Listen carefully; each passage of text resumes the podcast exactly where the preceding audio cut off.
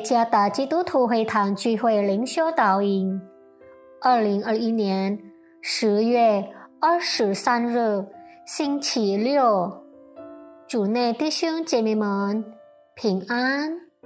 今天的灵修导引，我们会借着圣经以弗所书第二章第八节下半节到第九节来思想今天的主题。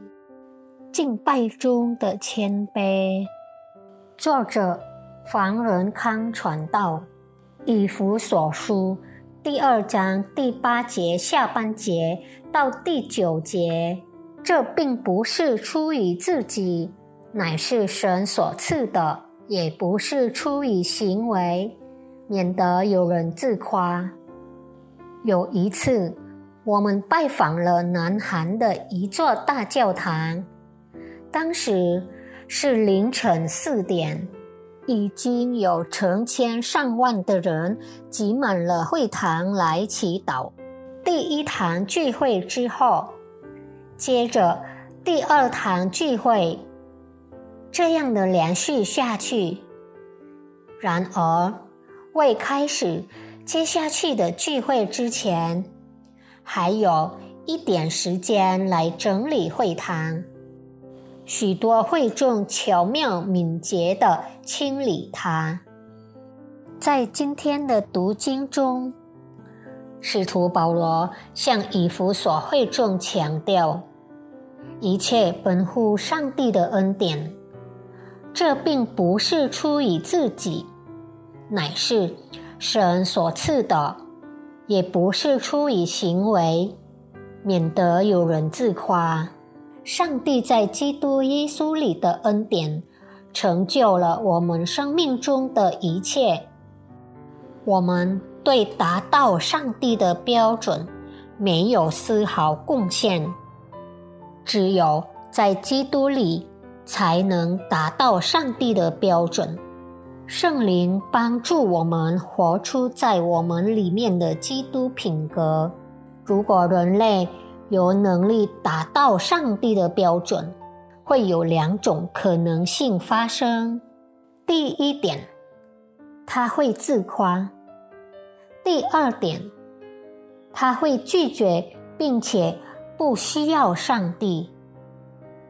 他不会相信和承认上帝的主权，结果他将永远拒绝上帝和他的真理。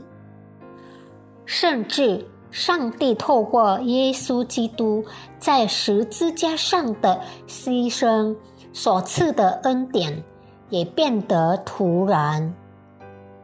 基督饶恕的宝血也变得虚空，毫无意义。但事实证明，任何人的所作所为都无法使他达到上帝的标准。拒绝上帝恩典的人有祸了。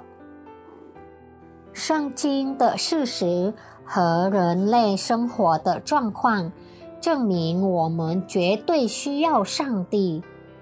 只有上帝在基督里的恩典引导，并使我们能够认识和爱主耶稣基督，并将我们的一生交托在他里面。上帝的恩典使我们能过谦卑的侍奉和敬拜他。当我们面对上帝的恩典和荣耀时，所有的自豪、地位、能力、财富和一切所有都变得毫无意义。因此，醒悟吧！唯有因着上帝在基督里的恩典，我们才得救恩。让我们时刻谦卑、委身，在基督耶稣里敬拜以及侍奉上帝。上帝的恩典使你醒悟，并能以谦卑的心来敬拜他。愿上帝赐福大家。